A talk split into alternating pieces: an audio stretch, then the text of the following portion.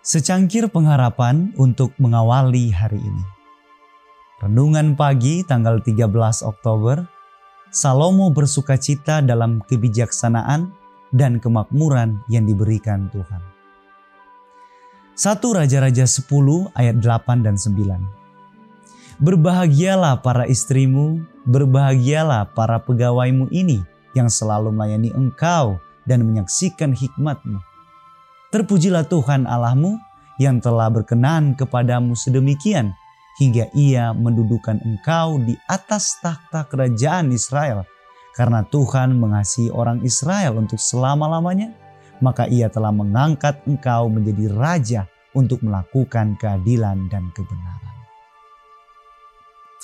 Saat Ratu Sheba datang mengunjungi Salomo, mendengar akan kepintarannya dan kehebatan kemuliaan bait suci yang dibangunnya, ia memutuskan hendak mengujinya dengan teka-teki dan untuk menyaksikan sendiri hasil karyanya yang termasyur. Datang dengan pasukan pengiring yang amat besar, dengan unta-unta yang membawa rempah-rempah, sangat banyak emas dan batu permata yang mahal-mahal, ia mengadakan perjalanan jauh ke Yerusalem. Setelah ia sampai kepada Salomo, dipercakapkannya lah segala yang ada di dalam hatinya. Ia berbicara kepadanya tentang rahasia-rahasia alam, dan Salomo mengajarkan kepadanya tentang Allah alam itu, Khalik yang besar, yang diam di ketinggian langit dan yang memerintah sekaliannya. Salomo menjawab segala pertanyaan ratu itu. Bagi raja tidak ada yang tersembunyi yang tidak dapat dijawabnya untuk ratu itu.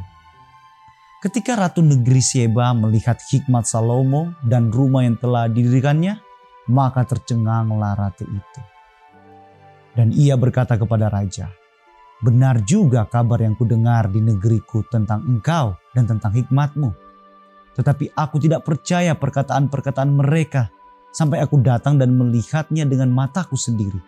Sungguh, setengah dari hikmatmu yang besar itu belum diberitahukan kepadaku engkau melebihi kabar yang kudengar.